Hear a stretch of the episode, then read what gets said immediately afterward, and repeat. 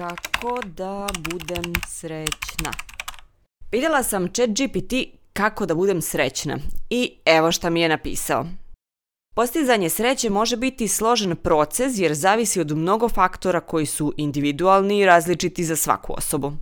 Da biste bili srećni, pronađite svrhu u životu, negujte zdravlje, fizički i mentalno, izgrađujte kvalitetne odnose, postavljajte realna očekivanja i radite ono što volite. Samo prihvatanje, postavljanje granica i učenje iz negativnih iskustva također doprinose osjećaju sreće. Važno je praktikovati zahvalnost, raditi na samopouzdanju i vežbati mindfulness kako biste se fokusirali na trenutak. Važno je napomenuti da je sreća subjektivno iskustvo i ono što radi za jednu osobu možda neće raditi za drugu. Prilagodite ove savete svojim potrebama i pronađite svoj jedinstveni put ka sreći. Ako imate problema sa osjećajem sreće, razgovor sa stručnjakom poput psihologa može biti koristan korak. Uz to, ChatGPT daje i 10 koraka koje vam kopiram i stavljam na našem sajtu jer imaju smisla, ali nisu easy fix. Ovo sam uradila kako bih vidjela šta će mi napisati. I većinu stvari zaista i radim od kako sam odlučila da želim da budem srećna. Ne idu mi baš sve od ruke, ali polako radim na njima. Dve glavne stvari su mi u tome pomogle.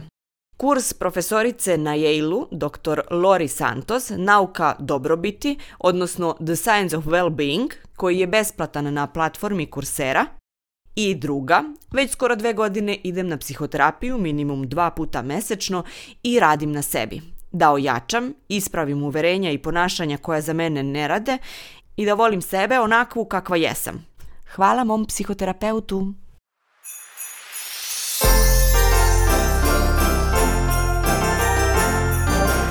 Slušate Umologiju, podcast u kom želimo da napravimo nove drajvere, putanje shvatanja i razmišljanja, poimanja sebe, svojih misli i emocija, ali i osoba i sveta oko nas. Da preispitujemo kako naša svakodnevnica utiče na dobrobit pojedinca. Da budemo dobro. Da budemo srećni. Ja sam Aleksandra Bučko i u ovoj epizodi pričamo o sitnim stvarima koje čine da se osjećamo lepo, da budemo srećni. Sa mnom u epizodi je i novinarka Sanja Đorđević. Na putu ka sreći čula sam više pojmova. Priča zapravo nije jednostavna, ali evo nekoliko koji će nam biti korisni za ovu epizodu. Postoje kratkoročna i dugoročna zadovoljstva. Kratkoročna zadovoljstva se odnose na trenutne radosti, zadovoljstva i pozitivne iskustva koja se javljaju u bliskoj budućnosti. To mogu biti trenuci radosti, smeha ili zadovoljstva koje doživljavamo svakodnevno i često imaju privremeni karakter. Dugoročno zadovoljstvo s druge strane obuhvata trajniji i dublji osjećaj zadovoljstva i ispunjenja koje proizlazi iz šireg konteksta života. To uključuje ostvarivanje dugoročnih ciljeva, osjećaj svrhe i zadovoljstvo životnim putem. Dugoročno zadovoljstvo može biti i rezultat stabilnih odnosa, ličnog razvoja, postizanja ciljeva i življenja u skladu sa svojim vrednostima. Kratkoročno zadovoljstvo može biti trenutno i prolazno, dok je dugoročno zadovoljstvo ili dugoročna sreća često dublja i održivija, oblikovana životnim stilom i dugoročnim odlukama. Idealno, postizanje ravnoteže između kratkoročnog i dugoročnog zadovoljstva ili sreće doprinosi celokupnom emocionalnom blagostanju. I još dva važna pojma, savoring i gratefulness – odnosno uživanje ili ti osvešćivanje trenutka u kom nam je lepo i zahvalnost. Mi se u ovoj epizodi fokusiramo na kratkoročna zadovoljstva, ali i na obraćanje pažnje na njih, znači uživanje u njima i zahvalnost na njima.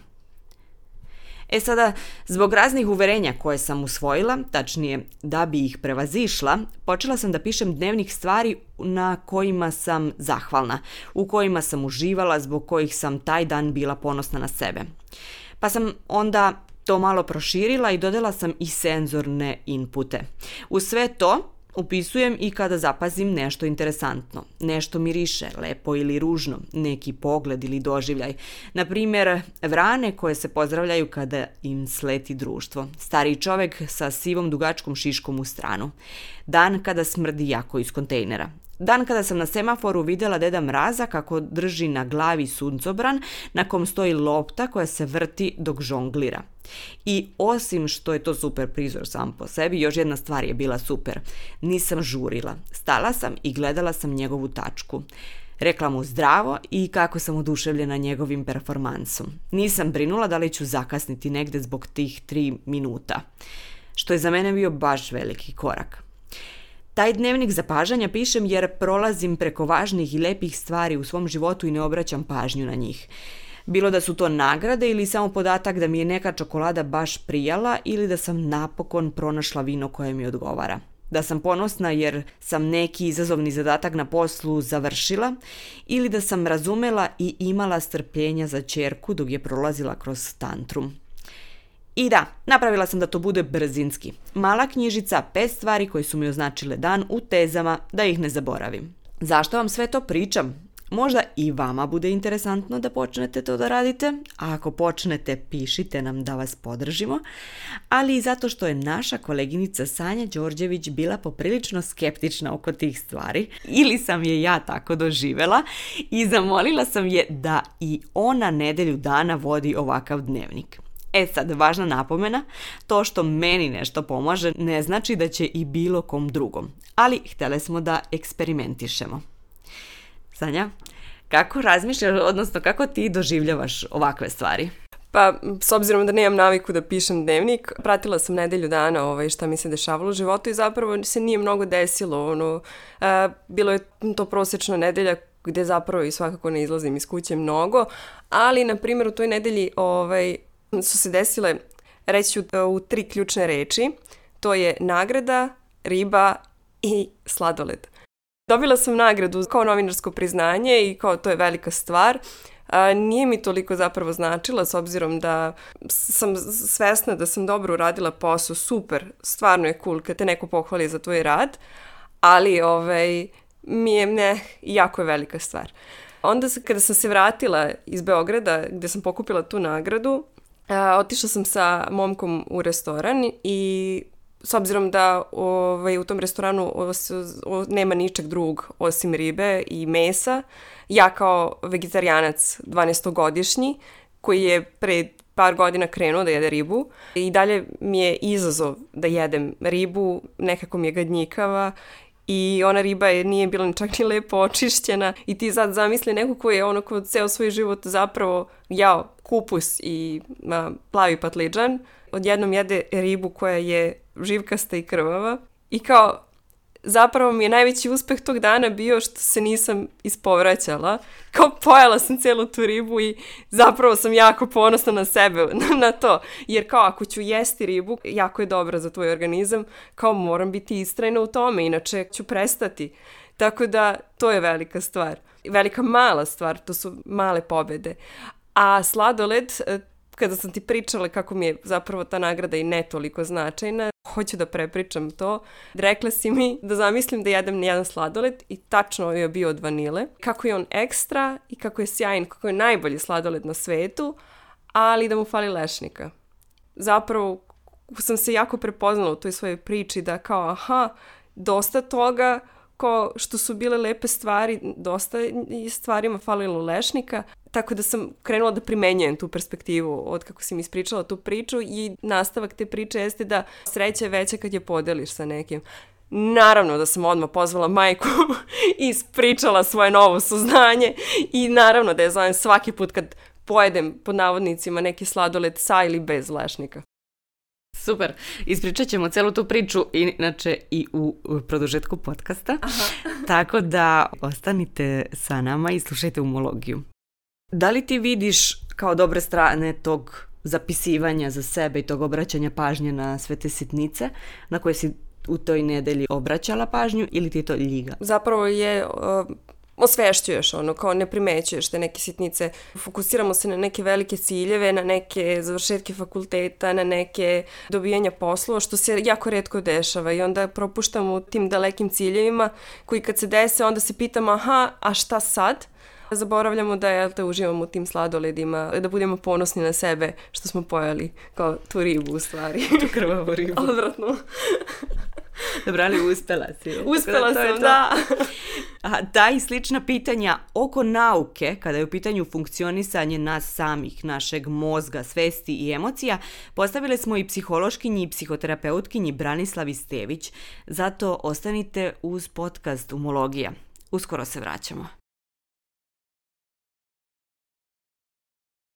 Ono što nam govore naučne istraživanja je zapravo da čovek je u osnovi društveno biće I samim tim, kada bude na bilo koji način primećen, na određen način uvažen, pa makar i jednom sitnicom, nekim znakom pažnje, nekim malim gestom, to uopšte ne mora da bude nikakav skup poklon ili neko preveliko iznenađenje ili nešto što zahteva abnormalan trud, već samo jedan mali gest pažnje, zapravo dolazimo do toga da se u tom trenutku fiziološki u stvari obavljaju oni procesi koji su zaduženi za povećanje lične sreće, a to znači lučenje endorfina, prosto hormona sreće, I mi u stvari na taj način se zaista osjećamo bolje.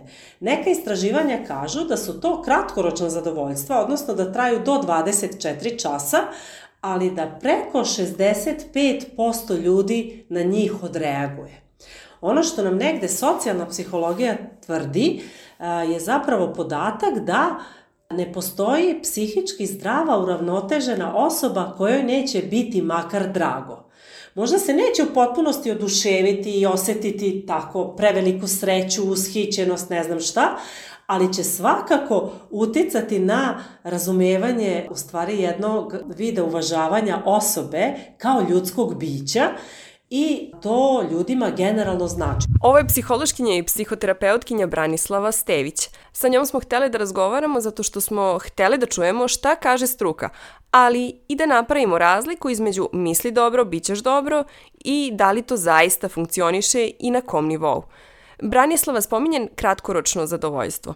Da li je to korisno i dobro samo na kratke staze ili i na duge staze da bi se osjećali sretno? Da uvijek idemo dan po dan. On autentično može toliko da traje, ali kad se prisetimo toga, kada vratimo sve to u svesno, kada ga ponovo obradimo, kada razmišljamo o tome, kada vidimo to nešto što smo dobili, makar lepo napisana pesma ili neki lep stih ili neka lepa želja, mi u stvari svaki put pokrećemo ponovno iste reakcije. I to jeste ono što je u stvari jako važno. Na neki način dolazi do praktično simbioze toga što smo u tom trenutku videli, znači osetili perceptivnim čulom i ono što mi autentično osjećamo.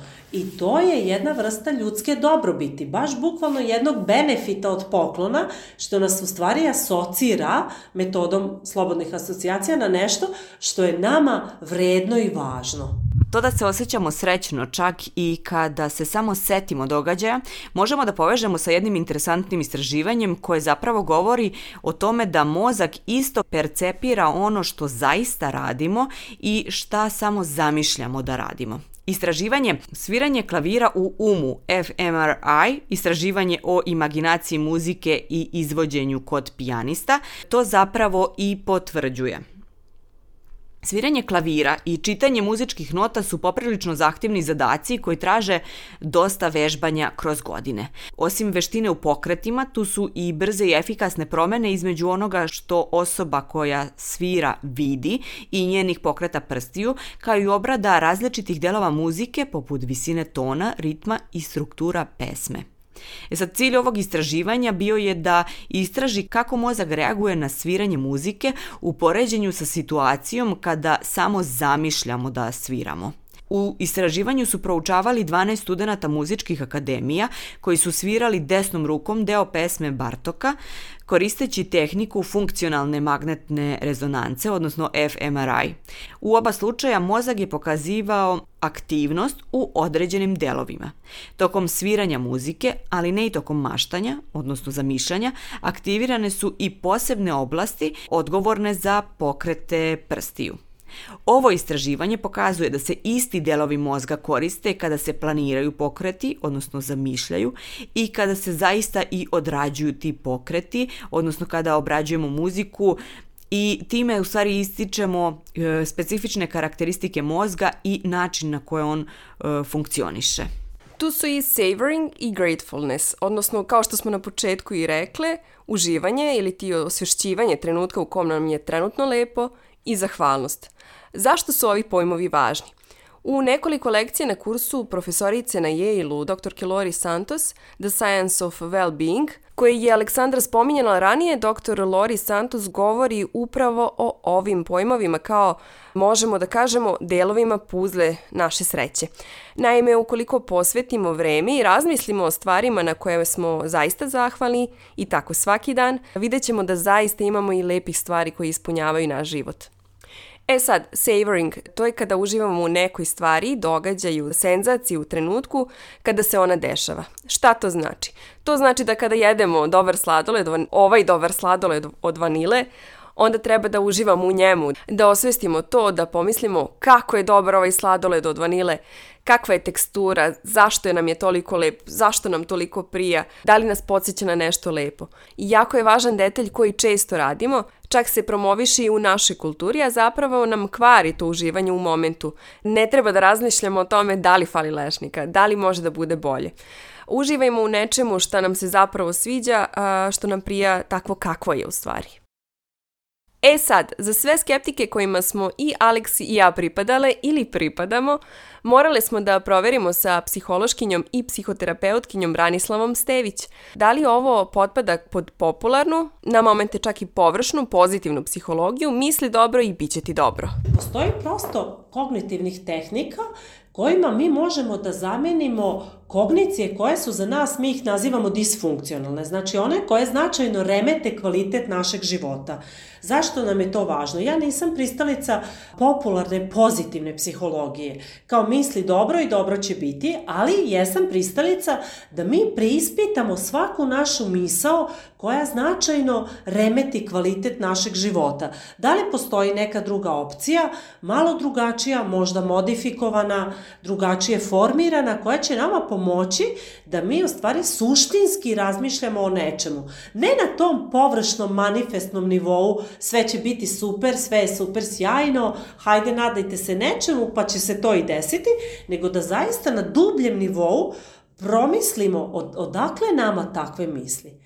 Kako smo mi došli odjednom do uverenja koja su za nas bolna, koja kod nas izazivaju određenu vrstu patnje, koja kod nas u stvari diskredituju i nas kao ličnost, Jer istraživanja nam govore da smo mi nekako, formirajući se kao ličnost, usvajali sve ono što smo dobijali iz polja i iznutra. Kako smo napravili taj balans koji u jednom trenutku zapravo za nas ne bude prihvatljiv i ne bude odgovarajući? Šta možemo mi kao pojedinci da učinimo da popravimo kvalitet našeg života, odnosno da, da te kognicije zamenimo kako bismo mi rekli realnim, logičnim, ali podržavajućim za ličnost. Već smo pričali o uverenjima koje stičemo u epizodi Učenja za devojčice.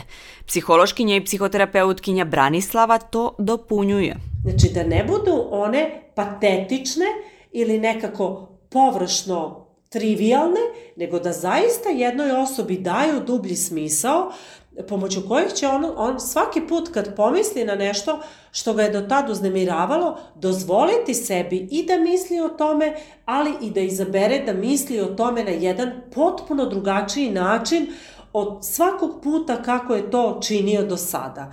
Zašto nam je to važno?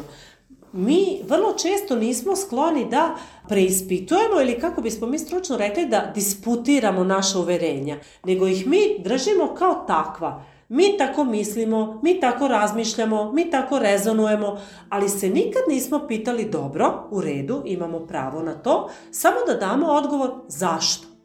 Zašto mi mislimo na određen način? Kako smo mi formirali to mišljenje? Ko nam je u tome pomogao, a ko nam je u tome odmogao?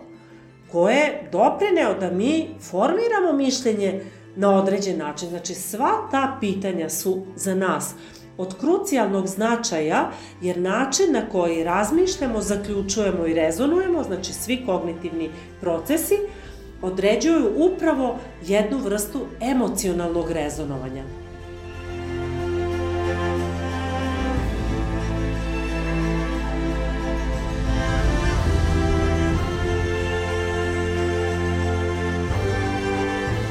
Onda postavljamo nad cilj. Da li je naš cilj da mi u životu konstantno kritikujemo sebe, druge ili život kao takav, ili želimo da u ovakvom životu kakav živimo pronađemo ono najbolje za nas. I u stvari se onda vodimo time, ako se ja osjećam ovako kako se osjećam, da promenim stvarnost ili okolnosti teško da možemo kao pojedinci. Ali da promenim način gledanja na te okolnosti, to možemo i na dnevnom nivou. Pitanje je koliko znamo, koliko smo motivisani i koliko smo naučeni, na neki način podučeni da dozvoljavamo sebi da mislimo drugačije od onog što smo naučeni. I tu je u stvari ta fina, da kažem, tu je stvari ta fina caka gde mi možemo značajno pomoći sebi, a zapravo samo dozvoliti da razmišljamo na nekoliko potpuno različitih aspekata nivoa i dozvoliti da čujemo sebe drugačije. Možda vam se čini da smo se udaljili od teme, ali nismo. Jer često nam uverenja ne dozvoljavaju da našu pažnju posvetimo kratkoročnim zadovoljstvima. Kao što je Branislava rekla, sitnice koje nas uvažavaju kao osobu ili kojima mi uvažavamo druge. Naprimer, mi na našem spratu imamo komšiju koji kad god ispeče pite sa višnjama ili jabukama podeli sa svim komšijama. Jednog dana mi je neko kucao na vrata, da ne probudi bebu, možda spava, i pojavio se komšija koji u rukama drži pitu od jabuka. Da se zasladimo. A naša koleginica sa početka sezone, Sanja Kosović, koja se više ne druži ovde sa nama jer je započela svoju avanturu na jednom velikom mediju, pripremila je jednu priču. Naime, ona već nekoliko godina sa svojim prijateljima posećuje jedan kafić. Tamo su se svi zbližili i često se desi da jedni za druge urade nešto lepo jer eto tako. Ili volim da kuvam, a nema ko da jede, pa sam vama doneo. Ona je za umologiju sakupila nekoliko lepih sitnica koje oni međusobno rade. Eto, baš mi nije išlo ovaj mesec, namestilo se hiljadu nekih loših stvari, ako je decembar, kraj godine, svi su u nekoj gužvi, sve se nešto tako dešava, jurcaju se stvari oko posla, ovoga, onoga, međutim, ono što me zaista ovog meseca obradovalo jeste da su me moji prijatelji iznenadili za rođendan, zaista sam dobio lep poklon, eto, to je ono što je uspelo da mi popravi ovaj mesec. Pa za mene su nekako čokoladice uvek bile te sitnice, bilo da ih ja kupujem nekome nakon što je, ne znam, proveo milion sati učeći, pa sam uzeo neki energy bar da bi se ta osoba refreshovala, ili sam ja bio nešto lo loše raspoložen, pa je drugarica došla i kupila mi čokoladicu bez razloga, tako da mislim, to su te neke stvari koje su meni tada značile. Jako se i ja trudim naravno i jako mi prija kada su drugi ljudi u svakodnevnom životu ljubazni nekako predusretljivi, bilo da se radi o nekome sa kim sam bliska ili sa kime nisam. Um, I takođe, naravno, prija mi kada neko udeli kompliment, bilo da je to vezano za izgled ili za nešto drugo što sam uradila i naravno ja se isto tako trudim da, da se na taj način obhodim prema drugim ljudima. Jedna stvar koja mi je ostala u sećanju je to što je moja drugarica iz Londona često slala pozivnice za žurke u London, čak pre nego što sam se preselila tamo.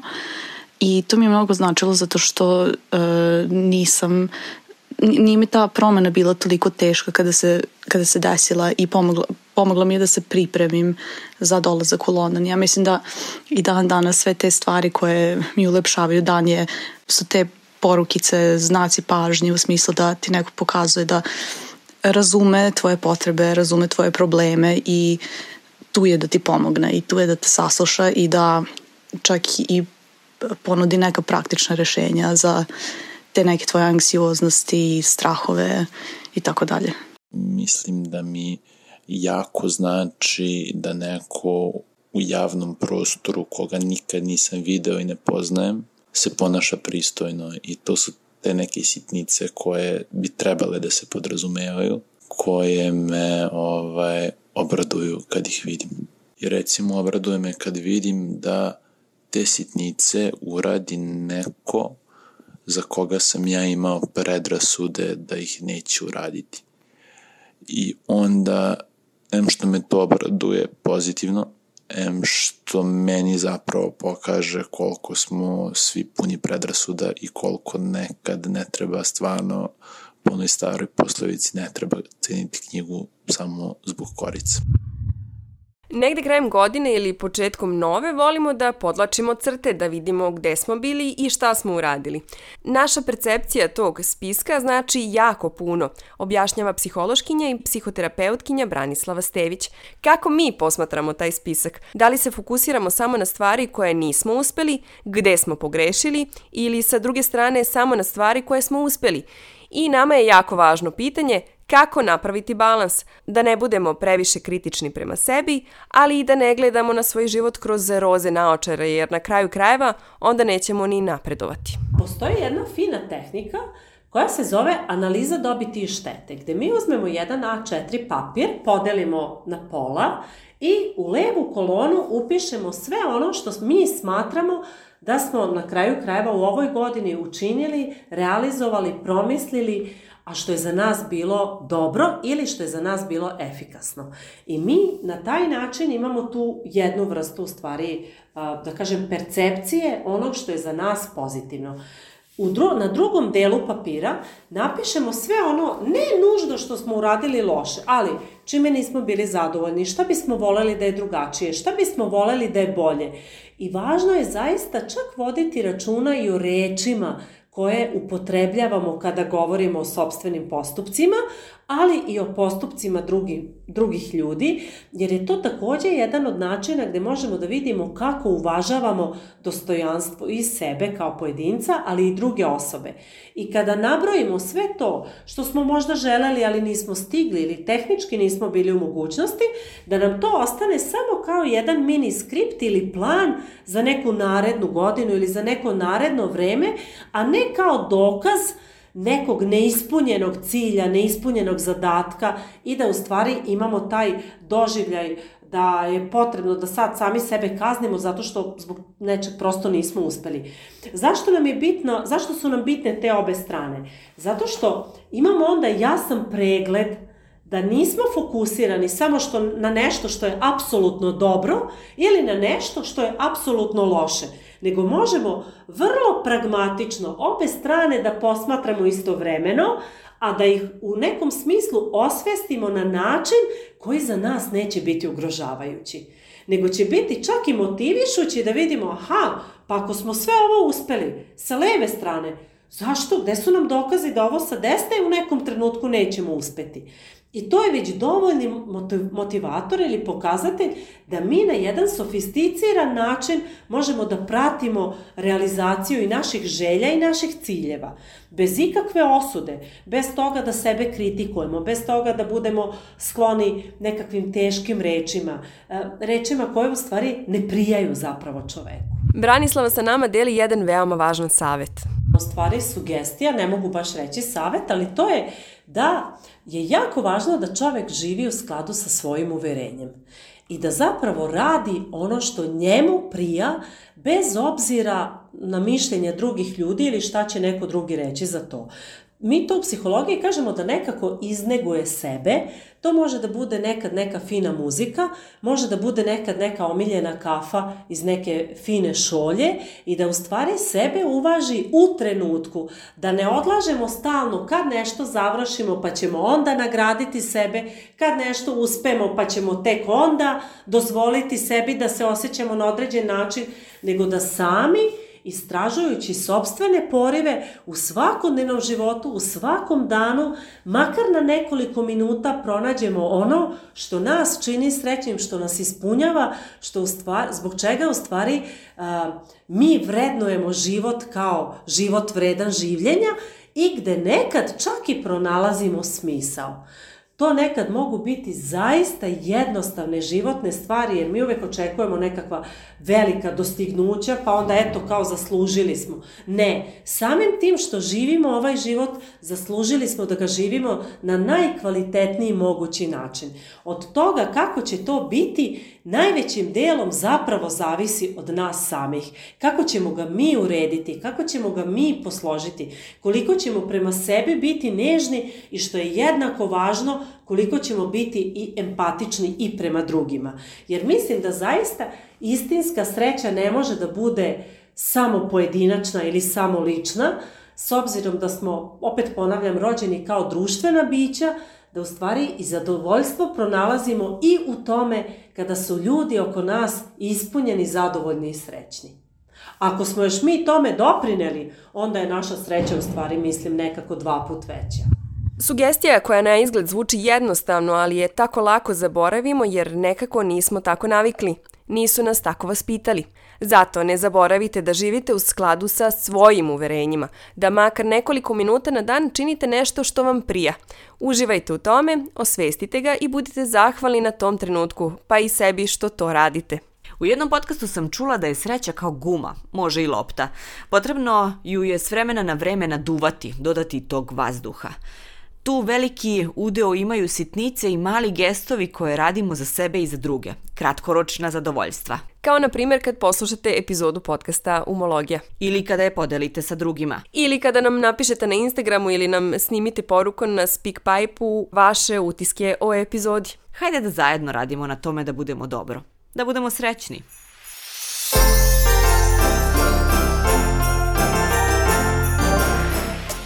Slušali ste podcast Dumologija, podcast u kom želimo da napravimo nove drajvere, putanje shvatanja i razmišljanja, poimanja sebe, svojih misli i emocija, ali i osoba i sveta oko nas. Ovu epizodu su kreirale Sanja Đorđević, Marija Marčeta i Aleksandra Bučko. Produkcija Fabrika kreativnosti